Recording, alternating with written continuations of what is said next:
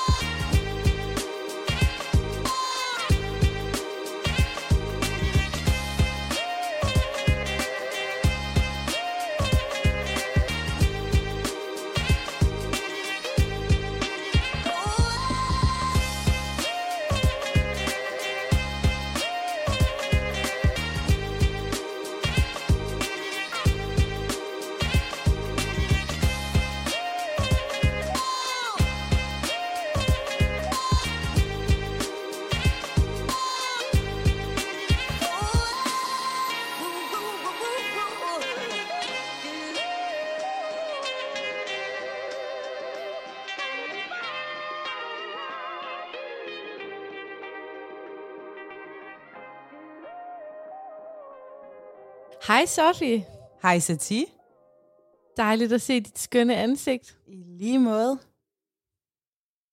Jeg har noget, jeg gerne vil vise dig. Bring it on, honey. Sagen er jo den, at jeg sender for Gæril, og du sender for Aalborg, men jeg har snacks med i dag. Og jeg behøver ikke spise dem nu, men jeg vil bare vise dig dem. Bare lige sådan for at vise dig, hvor jeg er i mit liv lige nu. Mm, mm. Det første, det er Golden Latte Bulletproof med æg og det hele. Ja. Og det næste, Det. det. det er nødder og meget mørk chokolade. Må man gerne spise chokolade? Det er simpelthen, fordi jeg jo er på keto, og altså, man kan jo bruge det som, altså, man skal jo ikke spise det der chokolade hver dag, når man er på keto, vel?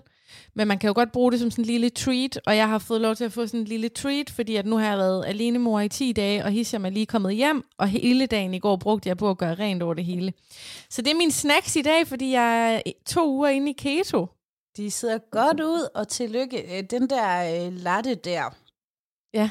Hvordan smager den? Den smager fint. Jeg glæder mig til at lave den til dig en dag. Altså smager det sådan lidt af øh, det der æggesnaps, man fik som barn, eller? Altså, jeg har aldrig fået æggesnap som barn, men jeg ved godt, hvad konceptet er. Og ja, det minder lidt om, men det er ikke så tykt, fordi ja, man putter kogende vand i, for ligesom at pasteurisere det der æg. Jeg tror lige, jeg skåler her i min helt almindelige kaffe, brygget her på Folkets Radio. Men næste gang du kommer ned og besøger mig, så kan jeg love dig for, at jeg liner op med flæsk, med bulletproof latte, med mørk chokolade, bare keto Jeg kan, bare retreat. ikke, jeg kan bare ikke lide mørk chokolade. Nå, det kan du ikke. Nej, jeg er faktisk ikke så glad for chokolade. Men jeg har en lille bitte rest, altså en sørgelig rest af min snack i dag. Hvad er det? Det er fordi min chef, hun har købt en, noget, der hedder en vinterbolle til mig. Okay. Det er sådan en blanding af en kage og en bolle. Den er, den er tilpas ikke kaget, så jeg faktisk godt kan lide den.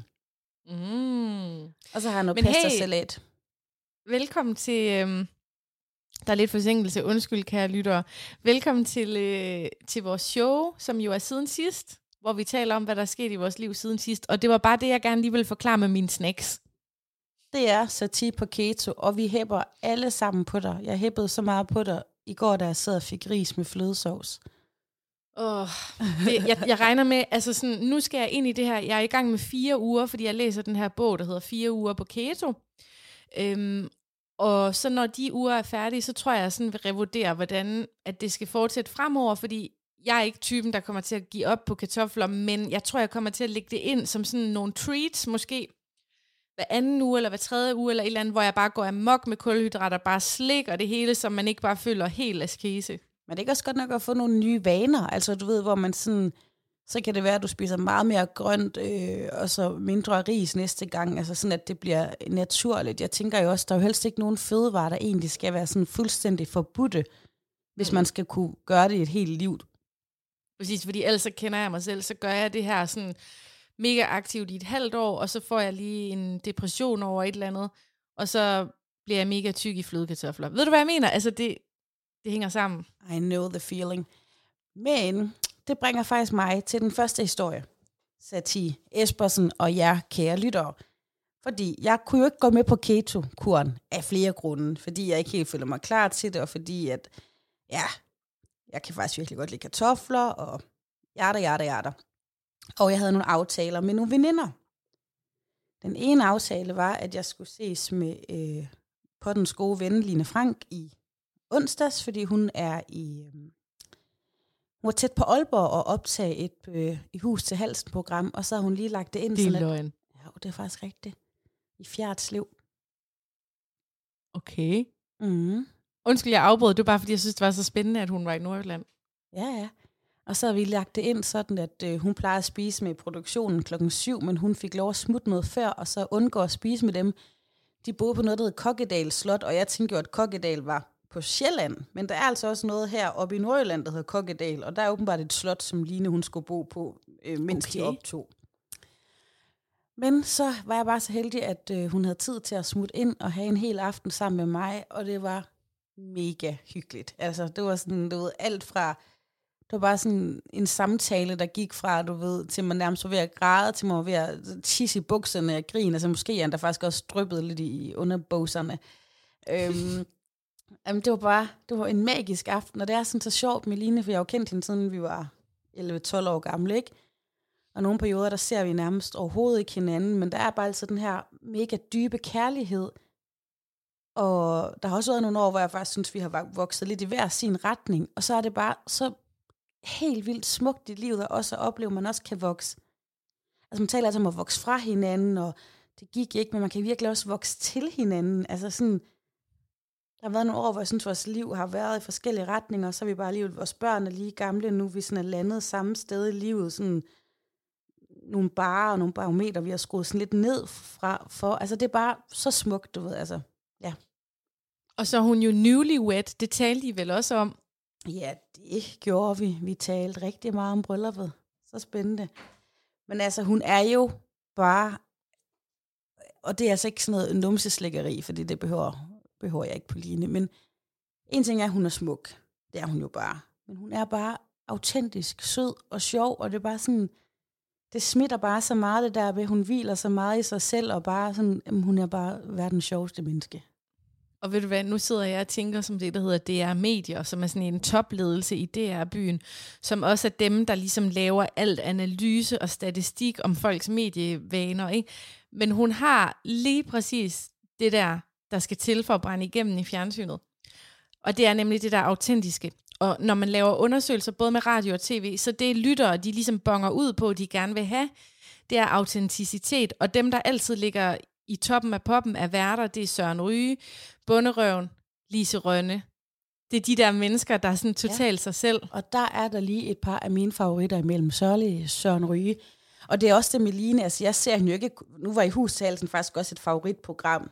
Både for dig og mig inden Line, men altså særdeleshed med Line også. Men hun er bare så god på tv, ikke? Og hun er... Altså, jeg kender hende om nogen, og hun er fuldstændig sig selv. Der er ikke et eller andet sådan... Øh, prøver at være, være mere medfølende, end hun er, eller du, hun laver ikke noget om. Det er bare, what Mhm. you see is what you get.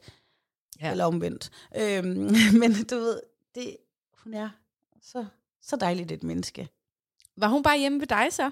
Nej, vi gik faktisk ud, og det var lidt en grund. Hun ville egentlig godt hjem til mig. Men der er lidt det der med, at øh, de to alt overskyggende dejligheder hjemme i mit hjem, de gør bare det der med at have en gæst hjem til aften, så får man bare ikke... Vi havde ikke haft samme aften, hvis vi havde været hjemme, og ungerne var der. Hvor var I så henne? Vi gik på Ulla. Mm. Det var så skønt. Og så fortalte hun mig noget, ej det kan vi vist godt sige, det er det der med, at hun er egentlig også ret privat. Hun er jo ikke sådan en, hun kan godt lide at være på tv, og hun elsker at hjælpe de her mennesker, og hun elsker sine kollegaer, der, men hun er jo ikke sådan en, se mig, jeg er en tv-stjerne. Hun er faktisk sådan ret, jeg tror, at hun, er sådan, hun kan godt lide, at når hun laver det, men det fylder ikke så meget for hende udenfor. Altså hun er ikke sådan en, kan jeg lige komme ind her, du ved, det er mig fra fjernsyn. Altså sådan er hun på ingen måder.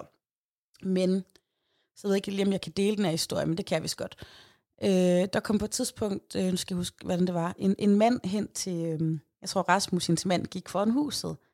Og så kom han hen sådan et eller andet, sådan, er, er der noget i vejen, eller er I ved at lave noget, eller sådan, hvad sker der? Sådan, hvad mener du?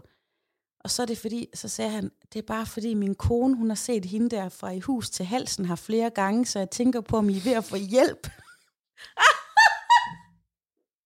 Så han ville bare lige sige sådan, hvis de har brug for noget hjælp til at lave noget spartling. øh, nej, det, det er min kone, du ved. Det vil godt nok også være vildt, hvis øh, et hus inde midt i Højbjerg, er det ikke der, I bor? Jo. At det ikke, eller der, de bor, at det ikke kunne sælges.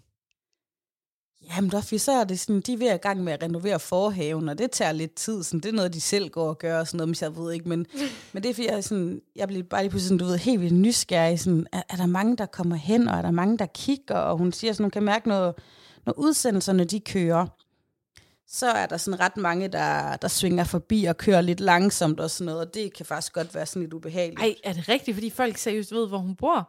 Ja, så bliver de sådan lidt ekstra nysgerrige. Altså, jeg har faktisk aldrig helt forstået det der. Måske hvis det var Michael Jackson, kunne jeg godt finde på at få lidt lange øjne, men altså, personligt vil jeg aldrig få noget ud af, at sådan, uh, det er Mads Mikkelsens skraldespand, det der, uh, jeg kan vide, hvad der er i den. Altså, jeg kunne ikke være mere ligeglad.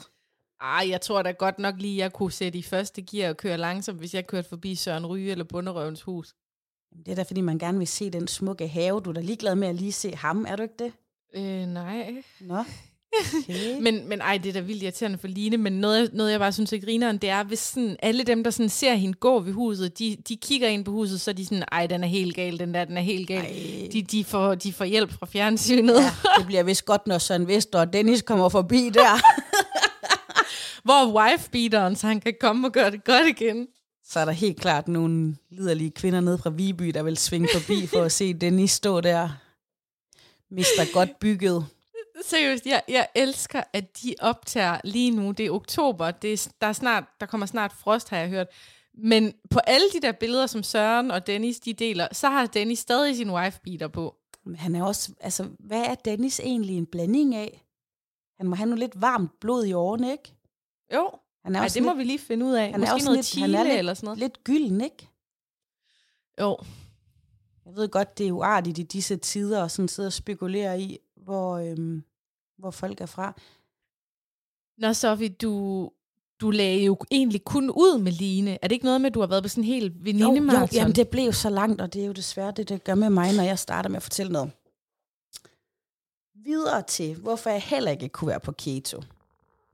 Jeg kunne måske godt have været det på Marlines aftale, men der fik jeg også lige et glas vin og en øl og noget mad. Men det helt, den helt store grund var jo, at min gode veninde Maria og Stine og mig skulle faktisk have været i København. Og vi havde også været sådan talt om, vi skulle tage en... Øh, vi, havde, vi havde sat weekenden af, til vi vidste, vi ville se hinanden, og det vi faktisk gjort for lang tid siden.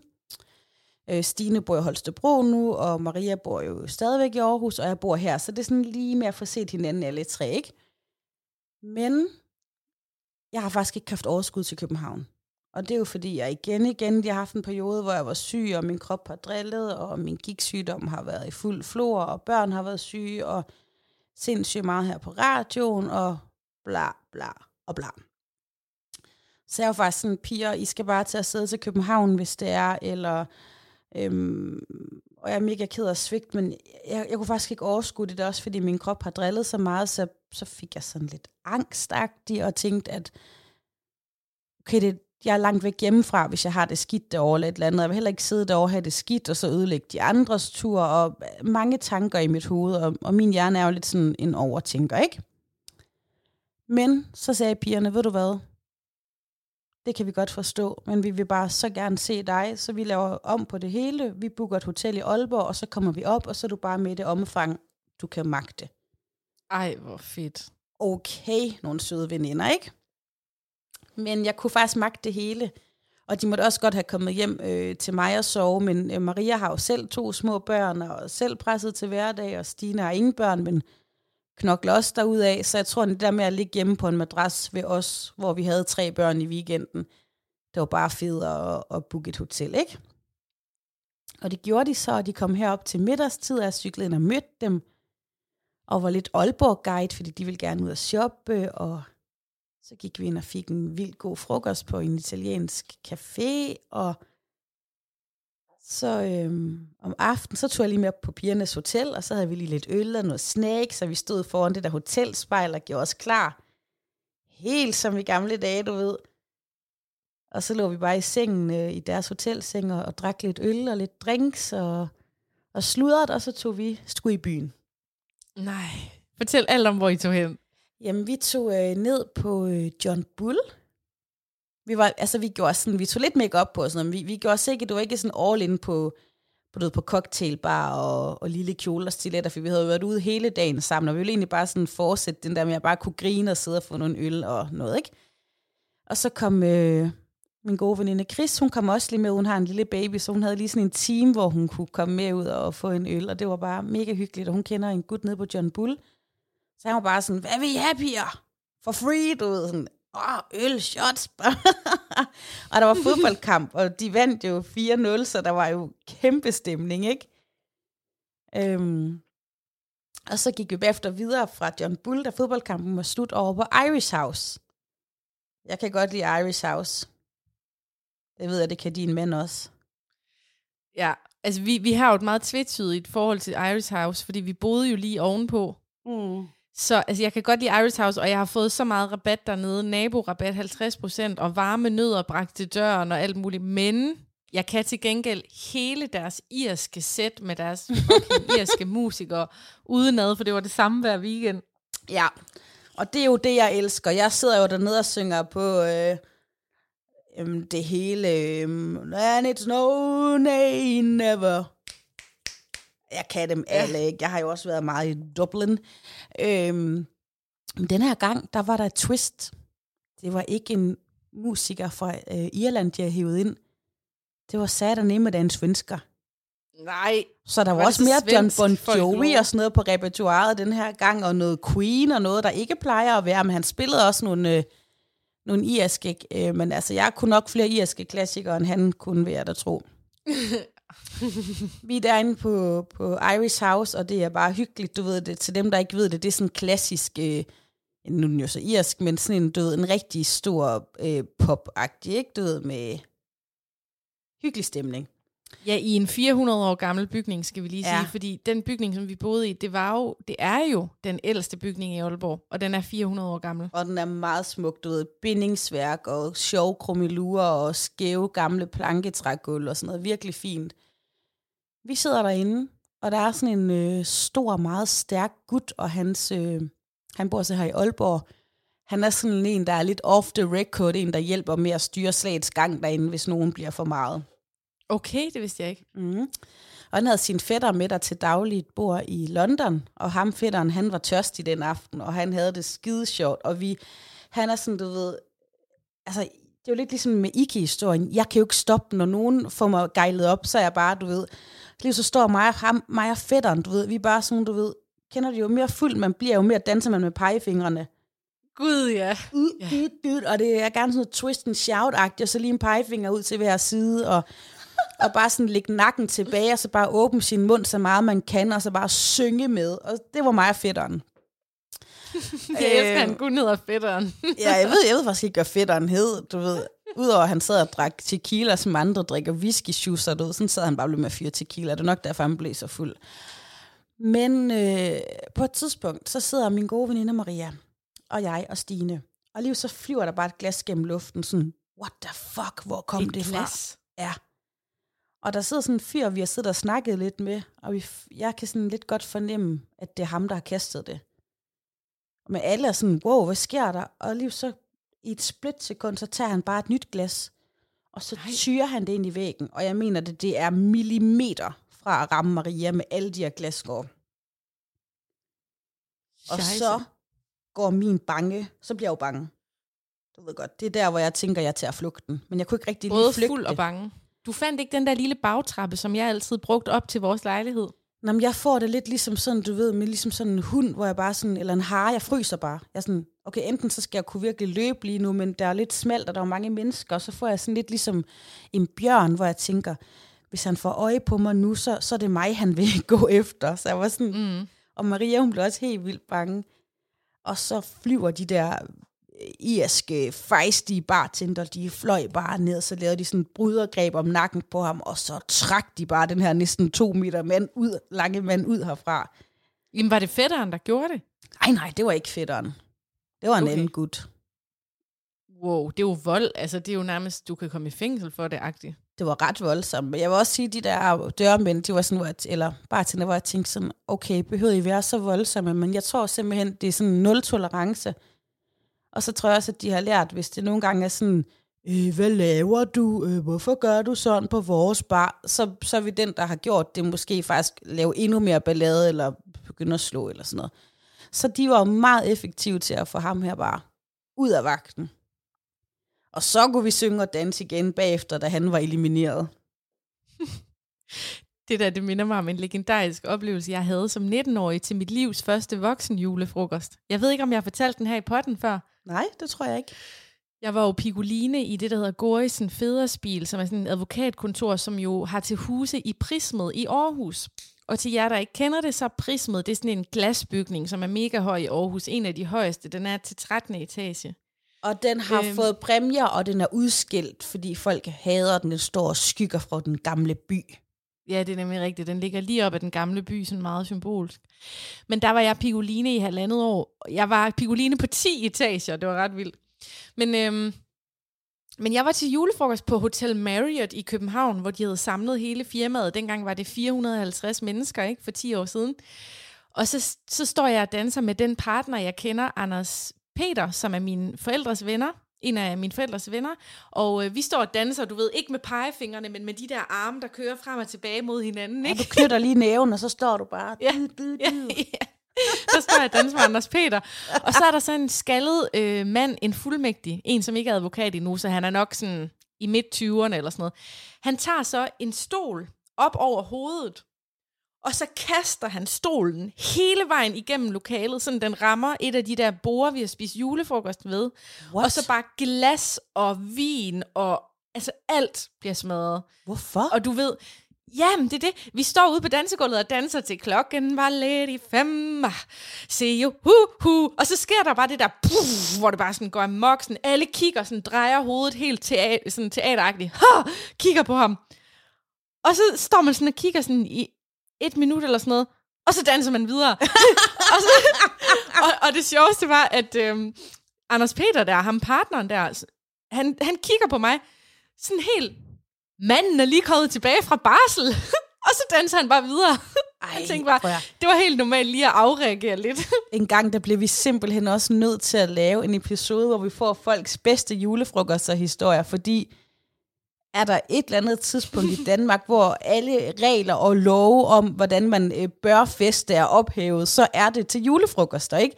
Yeah. Altså, jeg har også engang været til julefrokost i bowlinghallen, hvor der lige pludselig blev brand.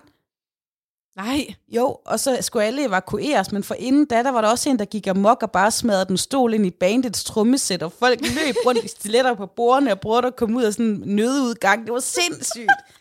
Og det var sådan, Ej, det altid noget. til julefrokoster. Har du arbejdet i en bowlinghal? Nej, jeg har ikke. Øh, det bare øh, mit gamle job, hvor at, øh, en eller anden pædagog synes, det var en god idé at holde det. Du ved, hvor man booker sig ind på sådan en julefrokostarrangement med en masse andre. Oh. Og det gør man typisk i børnehaver og sådan noget, fordi der ikke rigtig er nogen mænd. Der er ikke rigtig nogen mandlige kollegaer, og så tager man lige et sted hen, hvor der også er nogle mænd. Helt sikkert. Ja. Jeg tænkte, inden vi tager en snackpause, og jeg lige sætter noget musik på, Øhm, så vil jeg bare lige fortælle dig en, øh, en lille vidighed, som jeg blev inspireret til, af det der, du fortalte med, at du fryser, når der sker noget inde på bodegaen. Ja. Ikke? Jeg skal lige fortælle den ordentligt. Øhm, jo. Der var to mennesker ude at gå i, hvad skal vi sige, Nordamerika, ude i skoven. Og så øh, pludselig så ser de en bjørn, og de stivner og får store øjne, og bliver mega bange. Og så den ene, han sætter sig ned og begynder at binde sine kondisko. Og så siger den anden, jamen har du da tænkt dig at løbe fra bjørnen? Så siger han, nej, jeg har tænkt mig at løbe fra dig. Den forstår jeg ikke. forstår du den virkelig ikke? Nej. Prøv at tænk, hvorfor skal han løbe fra den anden? Fordi hun er nederen. Nej! Det er sgu da fordi, at hvis han løber fra den anden, så er det den anden, der bliver spist. Åh, oh, okay. nu sætter jeg musik på, så kan vi få en snack. Sorry.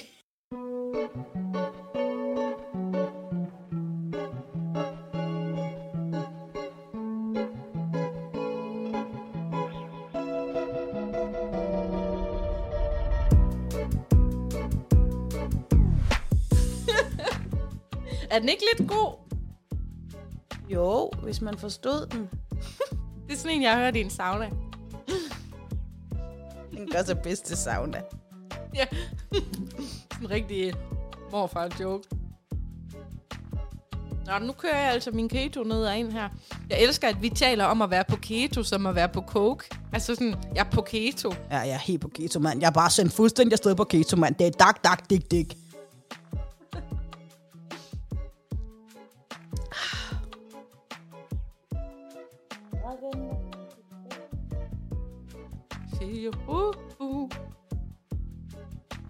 Kan mærke det der keto hjælper, kunne jeg se på en story. Mm, det kan jeg. Jeg kan se det lidt på min krop, men primært kan jeg mærke det oppe i hjernen. Det er fordi godt. jeg bliver helt klar i hovedet af, at mit blodsukker er stabilt. Det tror jeg også betyder noget. Faktisk er den her vinterbolle er det første, jeg har spist i dag. Og jeg har bare fysisk knoklet helt vildt meget herinde i huset i dag. Og det var faktisk derfor, jeg lige blev helt svimmel, fordi da jeg så endelig lige fik sat mig, så var jeg bare sådan, wow, jeg har hverken spist eller drukket i dag. Kun taget nogle træve. Ja, ja, ja det, er- det er ikke den mest nærende morgenmad. Nej. men hey, hvorfor har du knoklet? Du er da ikke rengøringsdame derinde. Nej, øhm, det er fordi Chris og Jacob, de skal holde øhm, navngivningsfest herinde på lørdag. Og så vil jeg gerne lige hjælpe dem lidt, fordi at øh, Chris' mor er her i den her uge, og skal egentlig også hjælpe, men hun har, ja, hun har noget astma og noget, så hun er sådan lidt hårdt ramt. Og så vil jeg bare gerne lige træde til at hjælpe lidt. Det var da sødt af dig. Mm. Bortset fra det i min i hus til halsen weekend. Ja, det er også rigtigt. Det kunne jeg faktisk godt lige give en update på. Nu tykker jeg lige af munden. Mm. Vi har lavet den her begivenhed i hus til halsen, fordi at vi ikke er færdige med ret mange ting her i huset. Som du kan se bag ved mig, så kan du se, der er kommet gipsvæg op. Der er kommet en væg op her. hedder det. Mm. Mm. Vi har ikke fået malet i underetagen, og der er et par ting, vi gerne vil have hjælp til. Og det var ret svært at mobilisere hjælp i sommerferien, da vi flyttede ind. Fordi det var den der, du ved, folk var, ville ud at rejse, fordi landet åbnede op, og verden åbnede op og sådan noget. Det er ikke lige det, man gider bruge sin sommerferie på, vel? Og hjælpe andre med det. Men så har vi så prøvet at mobilisere. Vi har faktisk inviteret, jeg tror, vi har inviteret 33 mennesker til den der begivenhed, ikke? Og der var, altså med mail og alt sådan noget i næste weekend, og der var der også nogen, der havde sådan svaret, men hold kæft, det gider folk bare ikke det her. Der kommer bare undskyldning på undskyldning, og det er fucking sjovt, hvad de skriver. Det er sådan, du ved, jeg kender det jo fra mig selv, altså så dækker man sig ind under, min faster, hun har faktisk øh, non-firmation, og du ved, altså sådan, Ja, ja, ja, jeg forstår. ej, og selv sådan min nærmeste familie, mand, de kommer bare heller ikke og bakker op. Jeg Det- vil, altså nu lyder jeg jo som de andre, men jeg ville faktisk rigtig gerne have proppet mig eller Lars i puljen, men, men vi skal til navngivningsfest, og den bliver holdt her på arbejdet, så jeg er simpelthen nødt til at være her. Jamen, det er så fair.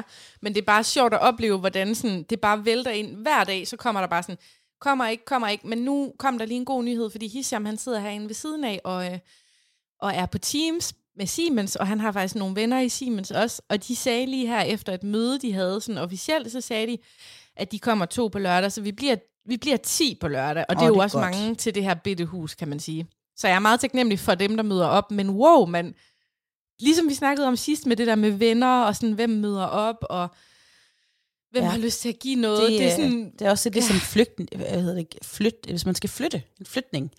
Ja. Uha, det er folk heller ikke super glade for. nej, det gider de Da man var yngre, kunne man godt mobilisere nogle venner og lokke med gratis pizza og øl, men sådan, altså, pizza og øl er ikke nogen præmie i sig selv i dag. Det er bare sådan, just another day. Det kan jeg bare selv købe, tak. Ja. Jeg behøver ikke bære dine 73 tunge flyttekasser med bøger. nej. Så, men jeg er rigtig spændt på, når du kommer her igen, så håber jeg virkelig, der er sket noget, der skal males. Jeg har selv købt al malingen her, mens Hisham har været væk. Der skal tages ukrudt op, der skal males lidt udenfor, og sådan, ja, Jeg jeg håber, det bliver full mig. on i hus til halsen. Det gør det. Jeg vil ønske, at jeg kunne smide Dennis og, og Søren Wester i puljen. Ja, det vil jeg godt nok også. Men ved du hvad, Hisham, han har jo købt en masse ting i Marokko, og vi har ikke pakket det op endnu, fordi han kom hjem i nat, og så er han gået direkte på arbejde, så jeg har talt med ham sådan en halv time i dag. Åh, Men han har købt tæppe, han har købt lamper, han har købt wow. alt muligt til huset. Ej, og Marokko, det er jo bare, og det er så autentisk. Det er ikke bare noget, han har fundet ude i, i ild, hvad der ligner. Det er direkte hjemmebragt. Det glæder jeg mig så meget til at åbne. Hvor smukt. Han har også lavet smykker til mig, faktisk. Nå, he's such a gentleman. Ja, det er han. Og han er helt brun og lækker. Jeg tør slet ikke tænke på, hvad der sker i aften. Ej, det tør jeg heller ikke. Så kan jeg bare ligge fra klokken 9 i aften og tænke på, hvad der sker i Gærild. Bare sådan sms til mig. Hvad laver du? Hvad laver du? Hvad laver du? Så går I bare ind i det der lille spirituelle rum, I har. Ej, der gør vi ikke sådan noget. Gør I ikke det? Ikke i, ikke i charleret, ikke i yogarummet. Det kunne godt være, I laver sådan noget tantra yoga. Ej, det, det, det vil jeg gerne. Sex. Lad mig sige det sådan, men det tror jeg ikke, min partner er med på. Han er til den bløde seng. Nå, nok om det. Øhm, jeg har faktisk været øh, i, i søndags, da jeg havde sådan lidt tømmermænd og var lidt træt. Du ved. Jeg kom hjem klokken 3 om natten, så det var ikke, fordi det var super sent, men heller ikke super tidligt. Nej. Øhm, dagen efter, der var jeg henne og besøge, hvad jeg faktisk vil kalde øh, en venner på den. Ja. Det var grækeren. Ej, er han ikke i Australien endnu? Nej, han har lige været i Grækenland. Jamen, skulle han ikke flytte? Jo, men de skal flytte på et tidspunkt, men det er nok sådan her i starten af det nye år. Men Lars og børn og jeg, vi tog simpelthen, øh, vi gik lige de der to-tre opgange hen fra, hvor jeg selv bor, og hjem til grækeren på lejeaftale, og skulle spise aftensmad og hænge ud. Nej, hvor hyggeligt. Det var så hyggeligt. Hvordan fungerer sådan en legeaftale og aftensmad og sådan noget hjemme ved grækeren? Jamen, det er sgu meget laissez-faire og helt nede på jorden. Du, altså, vores børn går jo i institution sammen, så de kender jo hinanden ret godt. Men det er sådan, altså, de roder faktisk nærmest mere end mig og Lars, vi tit gør. Og så er det bare sådan, man slår sig bare ned. Du ved, de er ikke sådan nogen, der render rundt og rydder op, til man kommer. Og de er ikke sådan nogen øhm, pyntesyge typer eller noget. Det er bare, man er der bare og slår sig bare, ja.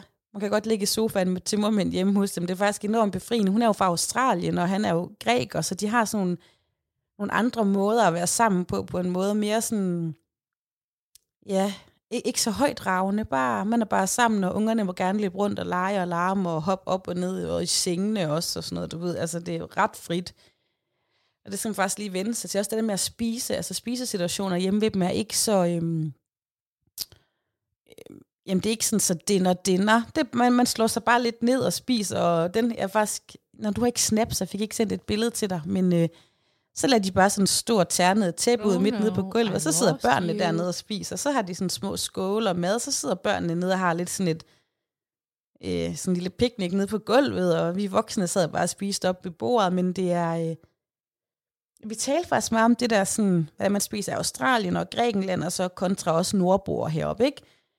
Altså, hvor også det der med, at i nogle lande, særligt også i Sydeuropa, så laver man bare et helt bord med mad, og man spiser i mange timer, og her i Danmark, så står det ud, folk jo næsten bag ved, altså snupper til lærken, inden man er færdig, du ved, og der er ryddet af med det samme, hvor at, øh, Nikos han siger, at i Grækenland, der spiser man tit af flere omgange, og i flere timer, du ved, og i Danmark, hvis man får et brød, så er det sådan sirligt skåret ud, ikke flyttet helt clean cut, hvor i Grækenland, så brækker man af brødet, og der ligger masser, og man lige dypper det lidt, og snakker lidt, og her i Danmark, altså, han sagde, da han lige kom herop, så var hans mor på besøg. Og det eneste, hun lå mærke til, det var alle de der lyde af, at kniv og gafler rammer tallerkenen hele tiden, fordi der er nærmest også meget stille, når man spiser. Ja, ja. Det er jo, et helt, det er jo en ceremoni nærmest i Danmark. Ja, det er faktisk lidt en udvidet aldergang, ikke? Ja, fuldstændig. Det er, det er de der oblater, bare sådan udrullet som en, en middag. Ja, og man spiser pænt, og du ved, man begynder at Og tage tak for mad og velbekomme, Tak, og og- tage din tallerken ud. Og man læner sig ikke sådan lige tilbage ved bordet og sidder og brækker i lidt brød og, og gumler lidt og snakker lidt. Og, ah! Men det gør man faktisk hjemme ved dem, og øh, måske er det min Afrika-gener, der faktisk godt kan lide, at øh, det er sådan, det er. Ja. Det måltid er sjovt at med sådan nogle... vi sidder og snakker, og vi spiser, men det er ikke så højtidligt, og det er faktisk ret befriende. Særligt sådan tømmermænds søndag, som jeg ramte ind i. Ej, hvor godt. Så skulle du heller ikke røre en finger med mad. Nej, altså det eneste var, at vi havde faktisk troet, vi skulle have pizza, for det spiser vi nogle gange sammen, men så gik de stedet for ud i køkkenet lige at bikse noget sammen, og det var sådan okay, men jeg vidste bare ikke lige mere, jeg havde lyst til pasta og pølser og salat den dag. Pizza havde været lidt bedre. ja, men det var, det var, det var super, og øhm, Vi snakkede også om, om Nikos i radioen og alt det der banneri, han havde, og jeg godt kunne tænke mig at få indtaget nogle jingles med alt hans, Mm. hans skøre udbrud her til radioen, og Amanda var sådan, such a good idea. Ej, har hun, helt, har hun hørt det? Har hun hørt episoden? Det ved jeg ikke. Det taler vi ikke om. Nej, det taler vi ikke om. Det er sådan lidt ind under gulvtæppet. Men jeg foreslog, at han kunne få sit eget program, hvor han talte til græker i Aalborg. Det synes de var en god idé.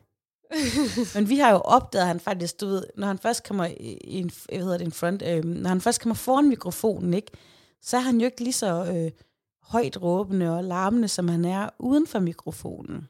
Nej, det var nemlig lidt af en overraskelse, det der med, at han faktisk ikke bandede så meget, da vi optog, fordi han bander meget mere i virkeligheden. Ja, det gør han shit and stuff and fucking... Motherfucking... Men, Ej, hvor øh, hyggeligt. Du ja, må hilse ham, hvis du ser ham igen. Det skal jeg. Jeg ser ham nok snart igen. Jeg har, vi har lovet, at- at de skal hjem til os snart og, og have noget konfiteret and. Mm. Mortens aften er det også snart. Ja, men de hader boller i kaj. De synes, det er så ulækkert. ah, hvor godt. Det er bare min børns favoritret, det er boller i kaj. Nå, det får vi ellers hver tirsdag. De synes seriøst, den der mærkelige kajsauce med mælk, det er bare så ulækkert. Ej, hvor er det sjovt. Jeg Og så- elsker sådan at høre fra andre, hvad, hvad de synes om ens kultur. og så er jeg bare sådan, mig og Lars er bare sådan, ulækkert, det skulle mega yummy, sådan, altså, og jeg er godt klar over, at nogle steder i verden er det jo ikke en uh, proper curry, men de synes bare, det der mælkehelvede, det var bare for mærkeligt i noget kajsauce, og så de der øh, svulmende boller der. og, og så er de heller ikke helt tilfredse med madpakke i børnehaven, og det er jeg jo så heller ikke. Men det er fordi, de synes bare, and all they have to do the fucking day is rugbrød, rugbrød, rugbrød, rugbrød, the fucking rugbrød all the day. Ja, jeg er fuldstændig enig. Jeg synes også, madpakke, det er bare lort. Det er et koncept, der ikke holder. Nu kan mine børn heldigvis ret godt lide rugbrød, men det er jo også rigtigt for en australier og en græk, og så er det skrækkeligt meget rugbrød, deres børn skal have. Ja, ja, men det er rigtigt. Og ved du hvad, jeg har jo fået en, en, en, en hvad kan man sige, lille reprimande fra børnehaven, at, fordi jeg har jo lavet pizzasnegle og tærter og alt muligt mærkeligt til Aisha, ikke? Og de var sådan, kan du ikke bare lige også sende noget rugbrød med? Fordi det er faktisk det, de siger, når børnene spiser første gang, så siger de, at alle finder noget brød, og så har alle børnene herude på landet, de har rugbrød. Og så er det sådan lidt, pizzasnegle, det går bare ikke. Nej, og jeg har også tænkt over det. Altså, jeg, jeg, jeg giver også meget rugbrød med, for det spiser mine børn, og de har en mostende regel i vores børnehave. Man først skal spise to stykker rugbrød, før man må spise det andet. Altså, det er jo bare ja. maddiktatur. Men øhm, nu synes jeg også, jeg vil faktisk ønske, at der var mulighed for at varme mad. Det ville være meget mere bæredygtigt, man også kunne give dem nogle rester med fra dagen før, og lige om lidt, når kulden for alvor sætter ind, så kunne det sgu da være fedt, at de kunne få noget varm suppe der om er formiddagen, eller noget grød, eller en rest lasagne, eller what do I know. Jeg er fuldstændig enig. Altså fra et ayurvedisk per- perspektiv, nu kommer helsecoachen lige her, så er det faktisk heller ikke særlig fedt med kold mad året rundt. Altså, det var noget af det, jeg var så glad for ved den anden børnehave. Det var, at de fik, de fik kartofler med persillesovs, de fik varme filéer, de fik noget, der er varmt, noget, der genererer ja. varme ind i kroppen. Ikke? Sådan en kold rugbrød med finpålæg, det er fandme bare ikke så også nice fordi på de en er meget januardag. på, de ude og på legepladsen og sådan noget. Men jeg har jo, jeg har jo også været sådan, der øh, store dele af min barndom, i hvert fald hele vinteren, har fået varm morgenmad, og det har enten været mad, aftensrester, eller suppe, eller grød, eller et eller andet, min mor har stået og varmet om morgenen, og jeg, vi, vi begge to har det jo med, at vi faktisk øh, elsker, altså vi vil nok hellere have en risret om morgenen, end vi vil have yoghurt med mysli, ikke? Fuldstændig. Jeg kan slet ikke, altså alt hvad der hedder havregryn og mysli og yoghurt og tykmælk, det vokser bare i mine kinder. Jeg ja. Bliver til sådan en hamsterface, der ikke kan sluge det. Ja, jeg er også meget mere til varm mad. Og så det er lidt en skam, men herude, jeg har prøvet i, i Vestbyens børnehave herude at være sådan lidt over den der madordning, for det får de jo i vuggestuen. Men nok om det, men jeg har faktisk et råd til dig. Jeg ved ikke, om det er for meget at, at, i rette sætte din madpakkelavning, altså, men du ved, jeg har jo været i gang lidt længere end dig. Jamen, du kommer bare med det. Og det er, at jeg bruger aldrig sølvpapir. Mm. Det er både sådan af miljømæssige årsager, men det er også fordi, hvis man bruger det der gennemsigtige film, så er det meget let for ens barn at overskue, hvad der er inde i. Ja, jeg er faktisk gået over til madpapir, Ja, hvor det er jeg godt. simpelthen putter sådan noget der mellemlægspapir Jamen, på. det er godt. Bortset fra, hvis jeg har noget virkelig vådt, der sådan skal beskyttes, så får det simpelthen sølv- sølvpapir. Men Aisha og jeg, vi gennemgår jo madpakken hver morgen. Nå, nå, nå. Så hun ved jo fuldstændig, hvad hun får. Ja, okay. Altså, jeg, jeg er meget glad for Vita Vrap, men jeg har også tænkt at jeg skulle begynde på det der bivox-papir, men øh, det er jeg ikke lige helt klar til endnu. Det bruger Amanda faktisk, hende vi lige har talt om. Hun bruger bivox-papir. Jamen, Det er også noget, man skal være klar til. Lad mig sige det sådan, vi havde en lille periode på en to måneder, hvor vi kun brugte bivox. Ja. Men det kommer til at lugte af pølse. Det er mega svært at gøre rent. Altså, jeg tror, det er os, der har gjort noget forkert. Lad mig sige det sådan. Men jeg synes, Så nemlig også, det, jeg synes nemlig også, det lugter sådan lidt numset. Jamen, det lugter nemlig af det, man pakker det ind i. Jeg kan også godt se i børnehaven, dem der har de der sådan øh, metalmadkasser med købt for 400 kroner i en helsekost, altså det er eliten. Vi køber stadig øh, øh, neonfarvet system af madkasse hjemme hos os, så jeg er Ja, ikke helt med, også. men, men jeg bruger ikke sølvpapir i den. Jeg prøver at bruge noget, øh, og jeg har så også haft noget, sådan noget økoagtigt øh, øh, Vitavrap, men altså det holder bare ikke. Men jeg siger tak for gennemsigtighedsprincippet, og Og- sender den videre ud til lytterne. Jamen også til andre. Det kan i hvert fald være en idé, hvis de børn ikke kan overskue madpakken, så kan man sådan se, hvad der er inde i. Ja. Ja. Jamen, det var det. Lige et øjeblik. Jeg skal lige lukke en dør. Det er jo fordi, jeg er blevet øh, kattemor. Åh oh, Øhm, ja. Så jeg skal altid lige have styr på kattene. Øhm, jeg skulle lige svare Søren. Sådan her. Hvordan, hvordan går det med de katte? Jeg kan følge med på Instagram jo. ja, altså det går okay. De elsker mig nu. De kan ikke lide andre i familien. Nej. De er ret bange. Altså de er, basically er de bange katte. Det er frygtsomme katte. Men når jeg kommer ud til dem og sidder med et helt bestemt kattetæppe på, så kommer de op til mig og elsker mig. Mis, mis, mis, mis, mis, mis, mis. Fuldstændig. Men Hvorfor, hvorfor fik I egentlig sådan nogle bange katte? Det er da også totalt amatøragtigt. Jeg er så træt af mig selv. Det er så dumt. Altså, det er simpelthen fordi, at jeg ikke vidste nok om det, inden jeg fik dem. Nu, er, Så- nu lyder jeg jo igen som frøken øh, bedrevidende. Se mig, jeg bruger ikke sølvpapir. Men næste gang, du skal ud og investere i dyr, så, så kunne jeg anbefale dig at søge et råd ved min mor eller jeg, fordi vi er jo om nogen nogle personer, der har haft mange dyr mellem hænderne. Fuldstændig. Ja. Det er også så dumt. Jeg er så træt af mig selv. Hvorfor vidste jeg ikke, at man skal tænke over, hvilke kattekillinger man fik? Jeg troede, at kattekillinger de kom på en fabrik, og de var ens alle sammen. Men katte kan jo simpelthen være nogle af de mest røvsyge sky dyr. mm. Lige så kæle og nuttet de kan være, lige så mærkelige øh, stik kan de være. Ja. Jeg har faktisk engang været til TV2 Østjylland, der var barn, fordi min mor hun havde sådan en helt bims faster, der et katte på halv sti i Aarhus. Nå, Og hun blev kaldt for missemor inde i Aarhus, og så gik vi rundt og satte mærkelige foderbakker rundt også over ved St. Pauls kirken. Og så var jeg med i TV2 Østjylland. Nå, hvor sødt. Jeg kan lige forestille mig det. Ja. Jeg er altså blevet katkedame nu. Men de er nuttede. Men, øhm, Den ene kat er jo rød, og jeg elsker jo rødhåret. Mm, Ja, den er vildt sød. Nana, det er den, der godt kan lide mig. August, den er lidt mere, hvad hedder det, reserveret. Den burde have heddet et Sharon. Ja, men problemet er, jeg tror faktisk, August er en Augusta. Ja, der kommer aldrig nogen testikler på den, så jeg tror altså, det er en pige. Nå, men kan du ikke bare lige sætte de to fingre ned, og så lige sådan mærke efter og sprede lidt? Jo, men det har jeg også gjort, men der kommer bare aldrig... Altså, vi blev lovet, det var en dreng, men det er det bare ikke. Så Jeg glæder mig til at komme og møde de der katte, når de er blevet helt kæle. Ja. Men øh, jeg har altså to historier. Jeg føler ikke, jeg rigtig har fået fortalt dem endnu. Nej, fortæl, min ven. Jamen, det er godt. Siden sidst, øhm, der øh, er Aisha begyndt at gå rigtig meget op i MGP. Ja. Og det er jeg også begyndt på. Så jeg er begyndt at høre alle de gamle MGP-sange, jeg kan huske. Fedt. Og så, så indoktrinerer jeg så hende med mine gamle playlister, ikke? Øhm, og så er Aisha så blevet fuldstændig forelsket i lige præcis én, én MGP-sang. Og det er så den der MGP-sang med Shit Kid fra Når vi sparker røv. Når Eller det det hedder spark og teksten. bip. Ja. Og hvis du bliver sløv, tu, tu, tu, kan du bare pille af. Den er hun fuldstændig vild med, den sang, ikke? Han var her Og så Aalborg, var han ikke det? Det ved jeg ikke, men det er faktisk det, jeg gerne vil tale om, fordi så er det lidt blevet sådan en rutine, at hun hører det på lyd og sådan noget. Men så siger hun hele tiden, jeg vil gerne se, hvordan de ser ud. Jeg vil gerne se videoen, du Det ved. kender så jeg skal jeg godt. finde det på YouTube og billeder Mhm. og sådan noget. Mm. Og så er det så, jeg søger på ShitKit, fordi jeg skal jo vise hende alt det her bonus og ekstra materiale.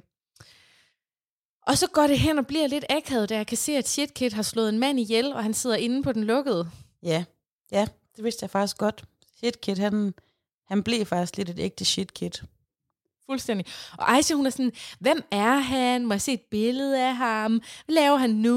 Hun spørger bare om alt muligt. Jeg er bare sådan, kan du vælge en anden favoritsang end mordersangen? Ja, det er jo fuldstændig tragisk. Men altså, sangen var jo god. Ja, sangen var vildt god. Han havde faktisk også nogle andre gode hits, men altså... Jeg har faktisk ikke fundet ud af, om det er den, altså min øh, gode ven Johnny Heft, han, han har nemlig skrevet nogle forskellige MGP-sange, jeg kan ikke huske, om det er den, der han også har været med til at skrive, eller om det kun er den der med, kære fru lærer, hør nu lige her, vi vil have mere fri kvarter. Ej, hvor nice. Han er co co-writer i ja, MGP. det er fordi, han har også været sådan en gammel børneradio-ting. Men øhm, det er rigtigt, det er lidt en, en vild historie med Shit Kid, det der. Jeg kender det godt lidt, fordi vi har det både med MGP, men også fordi mine børn har set meget Base Boys, som er sådan en serie fra øhm, øh, Ramachan.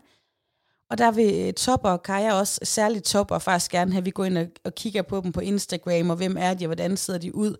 Og på et tidspunkt, så har jeg bare kigget så meget på de her unge mennesker for den her serie, at det, jeg følte, det er sådan lidt creepy, særligt hvis vi kom til at dobbelttrykke, det ved, så jeg sådan likede dem sådan lidt. Jeg skal bare, jeg skal bare ikke sidde og like Bastian på, på, øh, på 17 år. Sådan. Kom til mor, Bastian. Apropos øhm, det der med, når ens børn gør noget mærkeligt. Altså, du ved godt, mine børn kommer helt vildt tit til at ringe op fra Facebook og Instagram og skrive til folk og adde mennesker. Mm. Det nyeste er, at øh, du ved, nogle gange hvis man, jeg fik en besked fra en, øh, en sprogskole i Tanzania, eller et eller andet, hvor der sådan stod, om der, stod, om der var plads i den internationale børnehave fra Tanzania. Hvad? Jamen, du ved, mine børn har kommet nok til at gå ind på sådan en side, og så er de kommet til at trykke på en eller anden forspørgsel eller et eller andet. Ej. Og så sådan, ja, der er stadig pladser i den internationale børnehave i Tanzania. Du kan kontakte os på det her. Ej, ej, ej. Det er bare dine børn, der gerne vil back to the roots. Hvad sker der for det?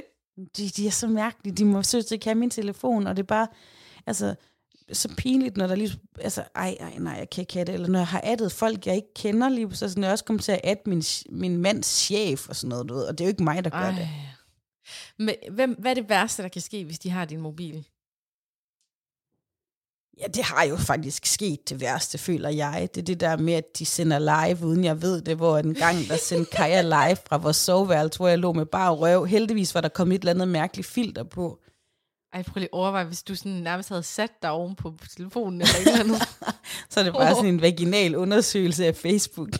oh. Ej, så hun er også blevet mega færm til min mobil. Hvis jeg tager en video af hende, ikke også, så siger hun sådan, slet det der, mor, slet det. Og så siger jeg sådan, ja, ja, jeg gør det nu. Og så siger hun, jeg tjekker lige, om du gjorde det. Så går hun ind i billeder, så finder hun det, jeg lavede, og så kan hun selv slette det. fem år gammel. Det er vildt. De bliver store. Åh, ha, åh, ha. Har du mere på listen, eller skal du høre om Rasmus Hansen? Ja, oh, fortæl mig om Rasmus Hansen. Der var ikke noget, jeg heller ville høre. Altså sidste episode, hvis I ikke har lyttet den, kan jeg lytte også, så fortalte jeg jo, at jeg har set noget, som jeg aldrig ikke kan se igen, og som er vores landsbytosse her i Gærhild, som er Rasmus Hansen. Det er et, søv, det er et alias, vi har givet ham, som minder meget om hans navn.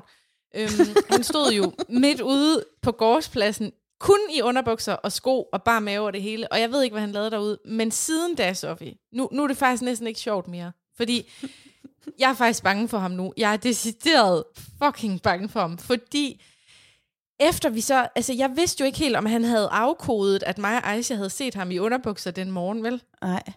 Det kan jeg så lige love dig for, han havde. Nej. Fordi, oh my god. Næste gang vi så går forbi hans hus, det er fordi, man er nødt til sådan at gå om bag ved hans hus lige nu, fordi der er noget byggeplads, ikke? Ja. Så, så har han åbenbart fået øje på os, fordi så vi er på vej ned i købmanden. Så går vi ned i købmanden. Så kommer Rasmus Hansen som sådan en lille djævel. Han kommer løbende, ligesom den der mip, mip. så kommer han løbende ned i købmanden, mens vi er inde i købmanden. Så løber han hele vejen rundt om kølediskene. Nej. Øhm, og forbi os, kigger os sådan mega sådan dybt ind i øjnene, Ej. og så løber, han, så løber han ud af købmanden igen, fordi han godt ved, han ved godt, at han ikke må være inde i købmanden, fordi købmanden har sagt til ham, at, at han ikke skal komme der så meget. Men han var henne, jeg svæver, han var henne og markere, fordi han godt vidste, at vi havde set ham i underbukser. Ej, ej, ej, ej, det er sådan noget, jeg, det, det er jeg helt bange for, det der. Jamen, jeg er decideret bange nu. Jeg ved ikke, hvad jeg skal gøre, Sofie, fordi jeg har jo været alene i 10 dage, og det har gået så fint. Men det eneste er, jeg er sådan en, der er begyndt at låse mine døre og sådan noget, fordi hver Ja. gang jeg kommer hjem, så tror jeg, at Rasmus Hansen sidder og gemmer sig bag ved det der gardin Prøv at tænke, hvor bad- bange du vil badeværelset. blive, hvis du en aften kigger ud af vinduet, så står Rasmus Hansen og kigger Oh ind. My god. Nej, nej, nej, nej, nej, Ej, nej, nej, nej. jeg synes faktisk, du, du er nødt til at markere tilbage. Det er den eneste måde. Jamen, Det Du sagde nød- min nabo. Hun sagde sådan, du skal sige direkte til ham, du skal ikke tale til mig. Ja, ellers så må du kigge på mig og sige, Rasmus, sådan der vil jeg faktisk ikke have, du kigger på mig, Aisha. Du er simpelthen nødt til at nu, nu er det bjørn mod bjørn, og du er over bjørnen. Du er nødt til at... Det er mig, der snører kondiskoene. Ja. Oh så my skal du sige. Rasmus Hansen, jeg ved ikke, om du opfatter sig mærkeligt, fordi vi så dig i underbukser, men jeg vil faktisk ikke have det, Rasmus. Ja, det skal jeg. Jeg holder jer opdateret, men jeg kan mærke, at jeg er bange nu. Og det er sådan, Aisha, Aisha hun er blevet, hun er blevet så seriøst bange. Altså hun er bare sådan, altså jeg kan lige forestille mig inde i hendes barnehoved, der sidder sådan en mega mær- mærkelig mand derinde med langt hår, der sådan følger efter os. Puha. Men det er jo også helt sørgeligt, at Rasmus Hansen han bor i den by. Det er jo sådan en helt anden Jamen, side det. af sagen, ikke? Så langt ude. Nå. Ja. Så det, vi Puha. har et nyt element i podcasten. Det er sådan en landsbytosse-update. Er der egentlig nogen, der er venner med ham i landsbyen egentlig? Nej, det er der ikke. Altså, der er der helt klart nogen, der gerne vil være søde ved ham, men det er faktisk sådan lidt talk of the town her, fordi der er mange, der kritiserer kommunen for at have placeret ham her. Men er han ikke også Øh, den og så- eneste i hele Gærhild, der bor i en lejebolig? Nej, det er han faktisk ikke. Der er helt vildt mange lejeboliger her. Nå. Fordi at øh, der er jo øh, efterskolen, det er en ret stor arbejdsplads, så der er mange... Øh, der er mange lejeboliger, der er faktisk også deciderede boliger med boligbrev og sådan noget, så det er faktisk Jeg ikke... synes øh, bare ikke rigtigt, at jeg så unormalt. sådan nogle blokkeagtige der. Det kan jeg lige vise dig næste gang. Ja, okay. Øhm, Kan jeg, kan jeg ja, se jo- Gærhild Ghetto? Ja, Gael Ghetto.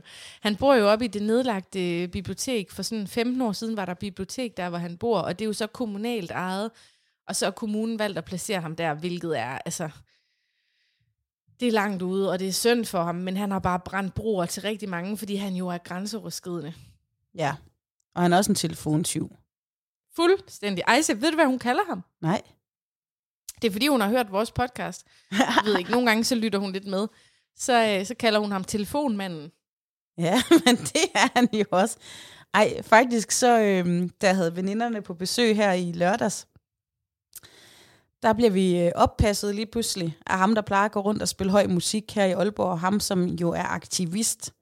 Ja. Men han kom uden musik, og så stoppede han os, og vi kunne sådan ikke rigtig komme forbi ham, og så var han, øh, dem der lige kom med den der barnevogn, er I godt sikre på rettigheder og sådan noget? Og så sagde jeg til ham, ved du hvad, jeg ved godt, du er ude og, og drive din aktivisme lige nu.